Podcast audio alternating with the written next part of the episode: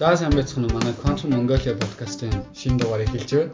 Өнөөдөр э, бид цаг хугацаагаар айлж болох уу гэдэг сэдвийн дор ярихаар хасаа зоригт бэлгүүн гэдэг гурав цуглаа сууж байна. Тэгээд өнөөдрийн дугаарыг бол зоригт хөтлөн Аха. За хөтлөгч зоригт байна. Тэгээд хоёр оролцогч бэлгүүн хасаа хоёроосоо энэ цаг хугацаагаар аялах гэдэг тухай ойлголт яг хизээ хаанаас анх яаж үүссэн талаар хүн болгоны сонирхдаг сэдв шүү дээ. Тэгээд энэ талаар яг анх яаж сонирхсон тэр талаараа яриач гэж Би бол хамгийн их цаг хугацааны аяллыг бол юунаас мэдсэн. Хилберт Уилсийн цаг хугацаагаар аялагч гэдэг ном гэдэг чинь Time Traveler тэрнээс мэдсэн. Яг гэхдээ яг номноос нь биш л дээ. Time Machine гэдэг 90 онд хийсэн Time Machine гэж зохиолоос нь мэдчихэж авсан. Аа цаг хугацаагаар аялна хэрэг өнгөрсөн Йоо 1890 он байна. зохиол нь баг тийм Тийм, кинонд нь болохоор 1990 онд нэг ремейк хийсэн эсвэл тэрнээс анх багадаа тэр ч одоо баг 15 жилийн өмнө шахуу мэддэг болсон. Тэгээд яг юу ойлгосон гэхээр цаг хугацаагаар аялна гэхээр ерөөсөө нэг бол өнгөрсөн рүү явдаг. Үгүй бол ирээд рүү очихыг л хэлдэг юм шиг. Аа түүнээс хойш яг э, физикээр зарималдаад физик сурснаас хойш ер нь яг ирээд рүү явах гэдэг бол яг цаг хугацааны аялал тооцогдоход жоохон харьцангуй сэдв болж хувираад өнгөрсөн рүү явна гэдэг бол илүү сонирхолтой цаг хугацааны илүү аяллаа үед илүү сонирхолтой сэдв болж хувирсан юм байна гэж бид боддог болж байна. Хасаа болохоор хаанаас анх сонирхож ирсэн. А, цаг хугацааны аялал гэхээр түрүүн би бас нэг видео үзчихсэн чинь тэгж хэлээс л да. Бид нар ч цаг хугацаар одоо ч юм аялж байгаа. Ягаад гэвэл цаг хугацаа ингээ явж байгаа. Бид нар нэг гэсэндээ ирээдүйдөө аялж байгаа. Гэтэ амар удаанаар жоохон өдөртөгөр аялж байгаа хүмүүс байгаа байхгүй тий. Гэтэ хүмүүсийн мөрөөдөл арай жоохон хурдан аялмаар байгаа шүү дээ. Айлсгүй жоохон одоо өнгөрсөн лүү ч юм уу тий. Алгасаад Тийм тийм. Тэгэхээр цаг хугацааны аялал гэдэг бол ер нь бол ирээдүйн рүү аялахыг хэлэх юм бол арай илүү хурдан аялах одоогоос айлсгүй өнгөрсөн рүү аялах ийм л ойлголт болж таарат байна тий. Тэгээ бас хүн болгоны хувьд бас нэг ийм асуулт байгаа даа шүү дээ. Цаг хугацааны аялал боломжтой болох юм бол та өнгөрсөн рүү аялах уу айлсгүй одоо ирээдүйн рүү аялах уу гэдэг тий. Аль аль нь амар сонирхолтой сэдв байгаа даа байхгүй тий. А миний хувьд бол бас мөрөөдөгч хүн болохоор мөрөөдөгч хүн болгоны л мөрөөддөг сэдвүүдийн нэг дээ. Цаг хугацааны аялал мөн хандрал гэдэг ч юм уу тий. Нэг иймэрхүү юм тий.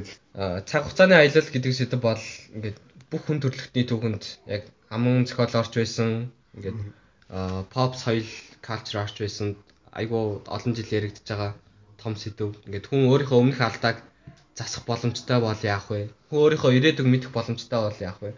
Өөрийгөө ингээд яаж өхийг мэд чадвал тэрнээсээ сэргийлэх үү? Эсвэл тэрнтэйгээ эвлэрээд амьдрах уу гэдэг. Маш олон чадах уу? Тийм өөрчилж чадах уу? Өөрчлөх боломжтой юм уу? Боломжгүй юм уу? Тийм энэ ингээд айгүй олон ном зохиол хэвлэгдсэн байдаг. Жишээ нь манай бэлгүүн, жишээ нь Уэлсийн цаг хугацааны машин гэдэг зохиолоор танилцсан гэж байна. Уэлс бол шинжлэх ухааны уран зөгнөлийн төрөлд бол маш том зохиол бүтээлүүдийг аа, цаг хугацааны машин байна. Атомын зэвсэг байна. Тэр үед байгаагүй шүү дээ. Аа, тэрнээс гадна үл үзэгдэх хүн гэж ном бичсэн. Invisible Man. Тийм Invisible Man гэдэг. Кино гардаг мөн үү? Тийм бас кино. Тийм. Тэгээд миний санаж байгаа бас нөгөө сүүл бас нэг дахиад ремейк хийсэн нөгөө хин тоглолдог. Том Круз гол дүртэн тоглолдог. Тэгээ War of the World дэлхийн дан нэг юм. тийм. Харийнхан Тэр бас нэг зохиол юм, миний хийдэг. Тэр бас Wilson зохиол. War of the Worlds гэдэг тэр баг Уэлсийн хамгийн сүүлчийн зохиол баг шүү миний санаж байгаагаар. Цаг хугацааны аяллыг хүн төрөлхтөнд сонирхож ирсэн тухай уран зохиолд уран зөгнөлд оруулж ирсэн тухай иймэрхүү мэдээллүүд байна. Тэгвэл одоо онлайн хувьд илүү ярилцъя л да. Физикийн хувьд, компьютерийн хувьд цаг хугацааны аяллалын талаар ямар хуу ингээд донлууд байдаг, ер нь боломжтой юу, зөвшөөрдөг үү, эсэргүүцдэг үү? Ер нь ингээд хүн төрөлхтөн мөрөөдлөө биелүүлэх боломжтой хэсэг талаар физикийн талаас эхлээд яриач. Яг физикийн айгууд онл монл ярихаас өмнө эхлээд юугаар киногоор жишээ үл амарх л та тий. Wilson time travel дээр гардагтай адилхан. Одоо хамгийн сүүлийн чинь нөгөө юу баа шүү дээ. Interstellar. Тэрэн дээр чинь бол гол дүрийн залуу бол баг ирээдүр рүү явж байгаа. Аа бас нөгөө талаас нь тэр өтний нөхийг ашиглаад өөр галактикт очиод тэнцэн цаг хугацаа дэлхий дээрхээс арай өөр өөр явдаг. Харцангуй өөр өөр явдаг. Аа тэгсэн мөртлөө тэр өтний нөхийг бас хэн үүсгэсэн бэ гэдэг асуудал гарч ирдэг. тийм.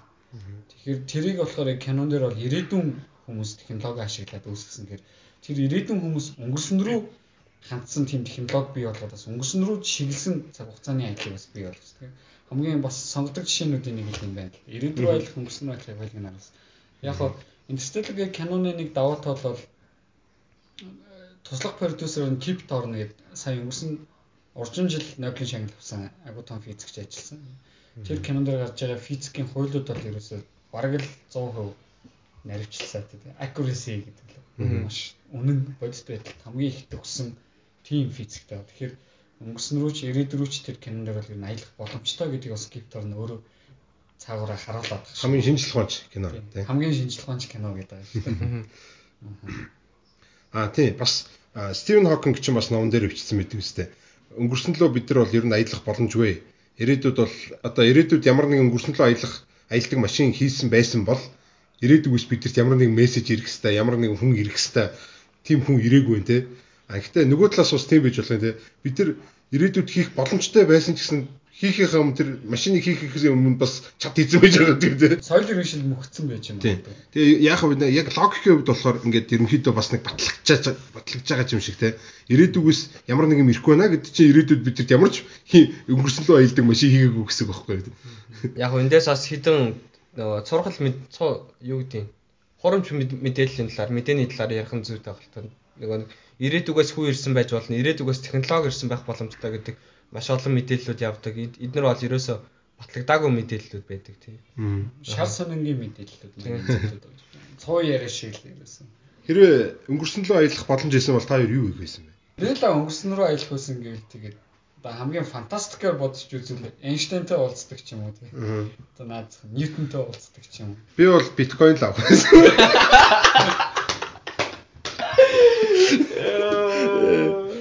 А одоо нэг парадоксууд байгаа даа шүү дээ. Одоо цаг хугацаа цаг хугацаагаар аялах тухай бид нэр хичнээн мөрөөдөх ч гэсэн логикод одоо саний жишээ шиг ирээдүгээс юу ч ирээгүй юм чинь одоо өнгөрснөө аялдаг машин ирээдүйд хийхдэггүй гэсэн үг гэдэгтэй адилхан цаг хугацааны парадоксууд бас үүдэг. Цаг хугацааны өнгөрснөө аялахыг аялах боломжгүй гэдгийг одоо баталдаг.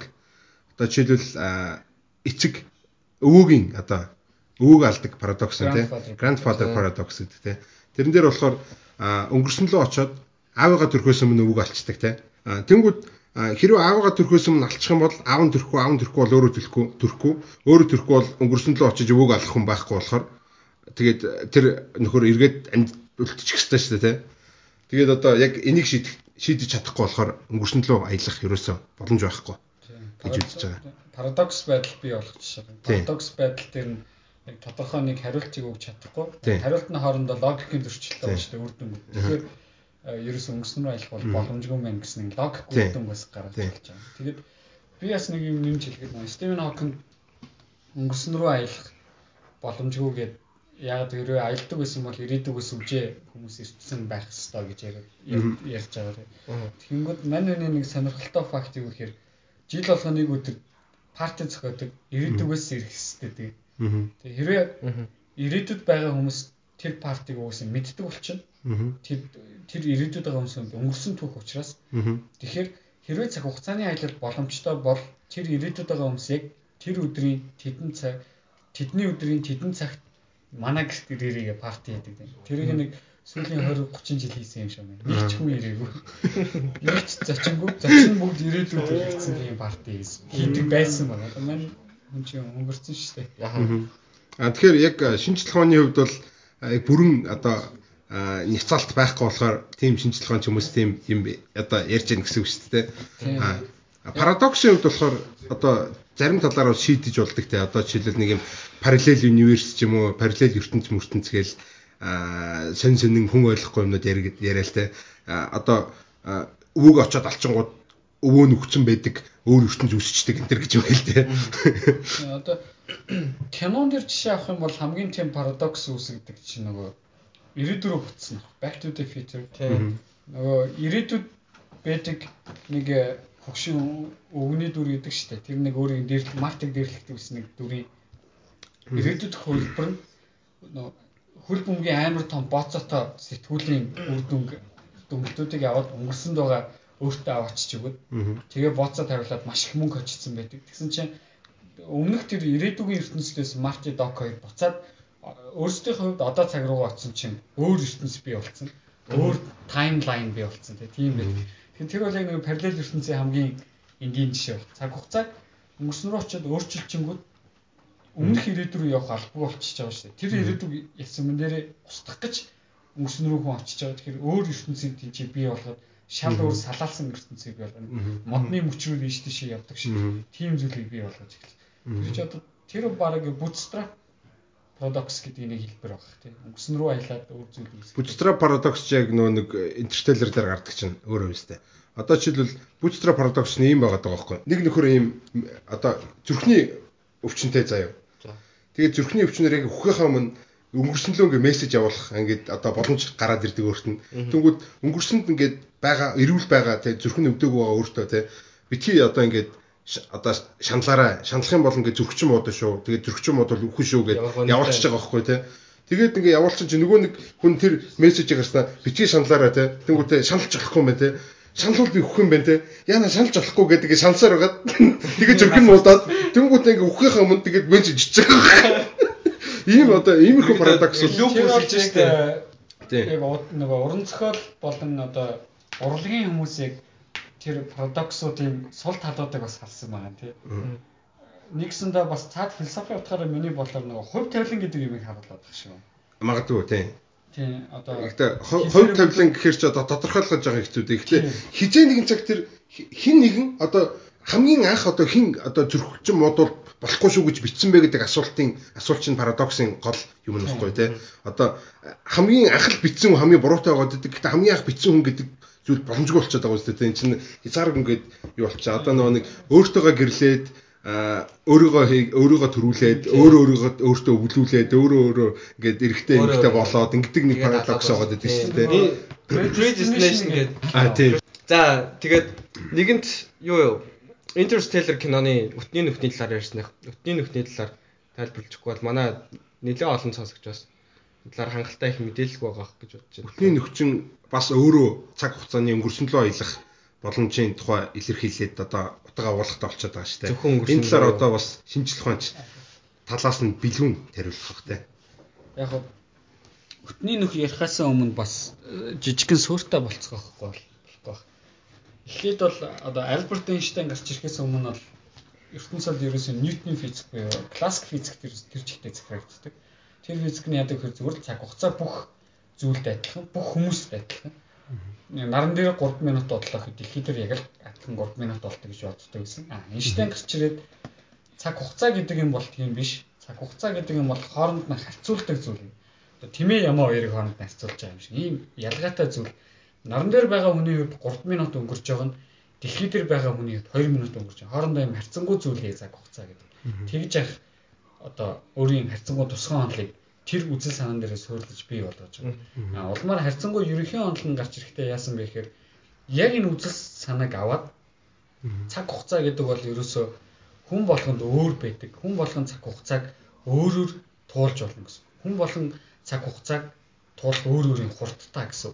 Машин одоо нэг замаар одоо гурлаа гурван машин цугаад нэг замаар явж гин гэж бодъё л да. Тэр нь цаг хугацааны зам гэж төсөөл. Тэгэхэд гурлаа гурван өөр хурдаар тэр цаг хугацааны замд явж идэг. Тэгэхээр гурлаа нэг нэгэ харахтаа гурван өөр хурдаар өөрийнхөө хурдтай харьцуулж харна шүү дээ. Жишээ нь хасаа миний өөдөөс тэр цаг хугацааны тэнхлийн замын дагуу ирж ивэл би хасааг илүү хурдтай над руу ирж гин гэж. Хасаач ч намайг тэг. Битэрийн цаг хугацаа хоорондоо харьцангуй маш хурдтай зурж өнгөрч байна. Тийм үйл явдал болох боломжтой болчихсон. Тэгэхээр Эйнштейн бол цаг хугацаа харьцангуй гэдэг маш одоогийн орчин үеийн онлын физикийн суурийг тавьсан үзлийг бий болгож. Яг тэр үзэл нь өөрөө гэрлийн урдны тогтмол шин чанаас гарч ирсэн. За тэр эсрэг бол дараа нь ярьж болно хэдүүлээ. Харьцангуй онлыг бол маш тавцсан айгүй урдан тайлбарлалаа шүү дээ. Тэглээ. Аа утны нөх гэдэг ойлголт танаас гарч ирсэн бэ гэхээр Эйнштейн харьцангуй ерөнхий онлыг бий болгоод тэр харьцангуй ерөнхий онол Эйнштейний тэгштгэлүүд гэж маш чухал тэгштгэлүүд байна. Тэр бол ерөөсөө ертөнц яаж хөсдөг вэ те? Ертөнцид байгаа энэ гариг ертөнц яаж нэг нэгээ тойрж ирэх юм бэ гэдгийг тайлбарладаг зүйл байна. Гэтэл тэр тэгштгэлүүдэд өмнө нь Ньютоны тэгштгэл байдгүй байсан хариунууд байна гэсэн. Өмнө нь Ньютоны тэгштгэл боломжгүй байсан тийм өнгөсөн рүү очих боломжгүй байсан. Тэр хариунууд нь тэр тэгштгэл гараад ирдэг. Тэд хариунуудын хамгийн том жишээ бол хар нүх өөр нэг алдартай хамгийн том жишээ өртний нөх. Хар нөх бол ерөөсөө тэр тэгштэглийн одоо шийдвүү нэг мууч гэсэн. Тэр тэгштэгл бодогдохгүй байгаа нэг мууч. Өртний нөх гэдэг бол тэр бодогдохгүй байгаа муучтай адилхан гэхдээ өөр физикийг тайлбарладаг юм гэсэн. Тэр нь өөрөө цаг хугацааны ажлыг бий болгочтой. Тэгэхээр өртний нөх гэдэг бол ерөөсөө Эйнштейний тэгштгэл орон зай хувьд жишээ нь одоо өнөөдөр хасаа зөрөгт бид гурав энэ ч подкаст хийгээ сууж ин яг энэ огторгуун энэ цэг дээр орон зайн энэ цэг дээр ингэ сууж идэг. Тэгэхээр энэ ч өтийн нөх үсгээд яг энэ цэг дээр байгаа цаг хугацааны өчигдрийн цэг цэг рүү холбогдчихдаг гэсэн. Өтний нөх гүүр гэж байна. Тэгэхээр анх бол энийг өтний нөх гэдэг байсан. Эйнштейн Розен бриж буюу Эйнштейн Розен Бодовскигийн гүүр гэж нэрлэдэг байсан. Ерөөсөө өнгөрсөн рүү ингээд цаг хугацааны өнгөрсөн мож руу явцдаг юм гүүр. Яагаад өтний нөх гэж нэрлсэн бэхээр алим биш штэ. Алим өттэй болчлоо штэ. Тэгэнгүүт алимны би гадарга дээр нэг цэг авъя л та. Тэр цэг болон яг тэр цэгийн алимны нөгөө гадар дээр эсрэг байгаа нэг цэг биш. Тийшээ би алимны гадаргуугаар явах юм бол их тойрж явна тийм үү. Одоо бөмбөгийг бөмбөгөөр явах юм. Тойруу замаар. Тийм их тойруу замаар голоор нь нүх ухаад явчих юм бол түнэл ухаад тий явчих юм бол би илүү хурдан явна шүү дээ. Тэгэхээр өртөөл тэгж алимыг иддэг шүү дээ. Нэг гадраас нөгөө гадар руу голоор нь ингэж явж иддэг. Голоор нь явж иддэг. Тэгэхээр тийм учраас тэрийг яг олон нийтэд тагсан нэрээр өтний нөх гэж байна. Тэгэхээр цаг хугацаагаар өнгөрсөн рүү аялах хамгийн энгийн нэг жишээ бол физикийн боломжтой жишээ байгаа. Өтний нөх гэх. Аа тэр физикийн боломжтой ч гэсэн яг бодит энэ манай энэ байгаль дээр тийм ертөнцид тэр яагаад ажиглагдахгүй байгаа ч юм уу? Яагаад харагдахгүй байгаа вэ гэхээр маш жижигхэн квант төвшөнд, маш жижигхэн атомын төвшөнд маш богинохон хугацаанд үүсээд тэгээ буцаад хоорондоо таталцаар агаад хоёр өтний нөхийн амсрын хоорондоо таталцаар агаад алга болчтой гэж үзэж байна. Одоохондоо. Яг хоо ирээдүйд бол энэ үзэл өөрчлөгдөж болно. Магадгүй тэр өтний нөхийг магадгүй технологи бий болгож магадгүй. Тэрийг бол хинч хэлж чадахгүй. Хэрвээ тийм бол мэдээж өнгөсөн байх боломжтой. Тэгэхээр нөгөө нэг логикийн алтаар руу орж магадгүй. Гэтэ тэрийг тайлбарлах зүйл бол байж. Хоёр амсар байх юм байна те. Тэгээд нэг амсар нь нэг цаг хугацааны амсар дээр нөгөөт нь болохоор өөр цаг хугацааны амсар дээр байх юм биш те. Одоо нэг гэсэн юм хоёр хаалга гэж төсөөлж байгаа биш те. Тэгээд одоо жишээлбэл би цаг хугацаагаар аялье гэдэг юм бол нэг нь гардаг хаалга нэг нь ордог хаалга байх хэрэгтэй шүү дээ. Тэгвэл энэ хаалга би урталтаа тавьчаад нэг найзтай хэлэх нь шүү дээ. За чи энэ хаалгыг тэдэн сарын тэдэнд тэнд аваачаад онгойлгоорой. Тэгээд би нанаас чинь гарч ирэх шигээд тэгвэл шууд нөгөө хаалгаа онгойлгонгууд нөгөө нэг ирээдүйн нөхөр те тэр найз нэг очоод ингээд тэнд очоод тэгээ хаалгыг онгойлгосон байж байгаа юм шүү дээ. Сайн уу юу ингээд хоёр найз нь зогсож чинь гэсэн үг шүү дээ. А нөхөр онгойлгоогүй байх юм бол шууд загинж болно шүү дээ. Оо чи одоо онгойлгоогүй шүү дээ. Энийг онгойлгооч гэдэг. Өтний нөхчин бол яг нэг өнгөрсөн рүү аялах юм гүүрийг бий болгочихж байгаа. Тэрнтэйгээ адилхан өнгөрсөнд байгаа хүний хувьд бол өтний нөх бол ирээд рүү очих гүүр. Аа шууд эргээд тэргээр орж бас гарч болох юм шүү дээ. байгаа хүн тэр өтний нөхийг ашиглаад бас ирээд рүү явчих болно гэсэн. Тэгэхээр харьцангуй ерөнхийн онлог зөвшөөрж байгаа цаг хугацааны ялыг зөвшөөрдөг ганц юм нь өтний нөх. Тэр нь өөрөө яг л нөгөө уран зохиол кинон дээр гардаг ирээд рүү өнгөрсөн аялах хоёр боломжийг хоёулын юм давхар агуулж идэг зүйл. За цаашдаа тэгээд онол парадокс сөөлжлээд явъя те. За жишээ нь Зеногийн парадокс ингээд ямар ч парадокст ингээд өөр ингээд а субъектийн солиод өөр ингээд парадоксын хувилбар гаргаж ирж болж байгаа байхгүй юу. Хэрвээ харь гаргийн ингээд соёл иргэншил байсан бол аль хэдийнэ бид нартай холбоо тогтоогоод бид нарыг колоничлоод ч юм уу ягаад ч ямар нэг байдлаар холбогдох байсан. Гэт хэрвээ хангалттай сайн үрдсэн бол үүнтэй адилхан хэрвээ ирээдүйд цаг хугацааны машиныг бүтээчих юм бол ингээд тэр олон цаг хугацааны машиныг бүтээсэн хэдэн мянган хэдэн сая хүн байх юм тий. Тэргээр аялсан хэдэн хүн байх юм. Тэд нар бүгдээрээ өнгөрсөн дээрээ өнгөрсөн тэр чигээрээ ирээдүгөөс ирсэн хүмүүсээр бэлхэх байсан. Гэт одоогоор ямар ч тийм юу байхгүй учраас боломжгүй байна. Одоо нэгэсэндээ бид нар ч гэсэн одоо ирээдүйд өнгөрсөн лөө аялдаг машин зохион бүтээчих юм бол бид нар өнгөрснийг колоничлох боломжтой юм биш. Тий, яг нэг тиймэрхүү юм гэж ойлгож болж байгаа байхгүй. Гэхдээ Карл Сагн бол аа чинь ирээдүгээс ирсэн ямар ч ингээд жуулчин, аялагч ингээд биднэрт мэддэхгүйгээр аялаад явж явах байсан боломжтой гэх тиймэрхүү зүйлс. Мэддэхгүйгээр мэддэгдчих юм бол болохоо байлаа шүү те нөгөө нэг өөр парадокс өвөөгийн парадокс болоод явчихсан нөгөө нэг хаус хаусын онол шиг юм болох гэдэг байгаа байхгүй те одоо хэрвээ бүх юм ингээд ингээд болдгоороо болдог амар тийм детерминист одоо бүх зүйл ингээд тийм хувь тавилангаараа явагддаг байсан бол тэрийг нэг жоохон л жоохон эрвээхний дэвлэлтийн төдийл өөрчлөхөд тэнд одоо тэр чигтээ ингээд нураад тэр систем бол ингээд баг эргээд э, сихэх боломжгүй нурж байгаатай адилхан болж байгаа тийм. Butterfly effect буюу эрвээхийн нөлөө болчихж байгаа шүү. Тэр өнгөрсөнд байх ёсгүй нэг хүн тэнд очиж очихоор чинь одоо тэнд байсан юм ингээ яг л саний эффект шиг юм болох хэрэгтэй болоод байгаа байхгүй тий. Ирээдүйг тэр чигт нь өөрчлөн гэсэн үг шүү дээ. Эн чинь дөөрөө яг нөгөө нэг хялбаршуулаад өвөгийн парадокс болгоод тавьсан байж гэн гэсэн үг шүү дээ. За цаашаа парадоксуудаа дэж өргүүлээ дээрээ. А юу өмнө нь ярьсан тэр одоо bootstrap paradox шүү дээ.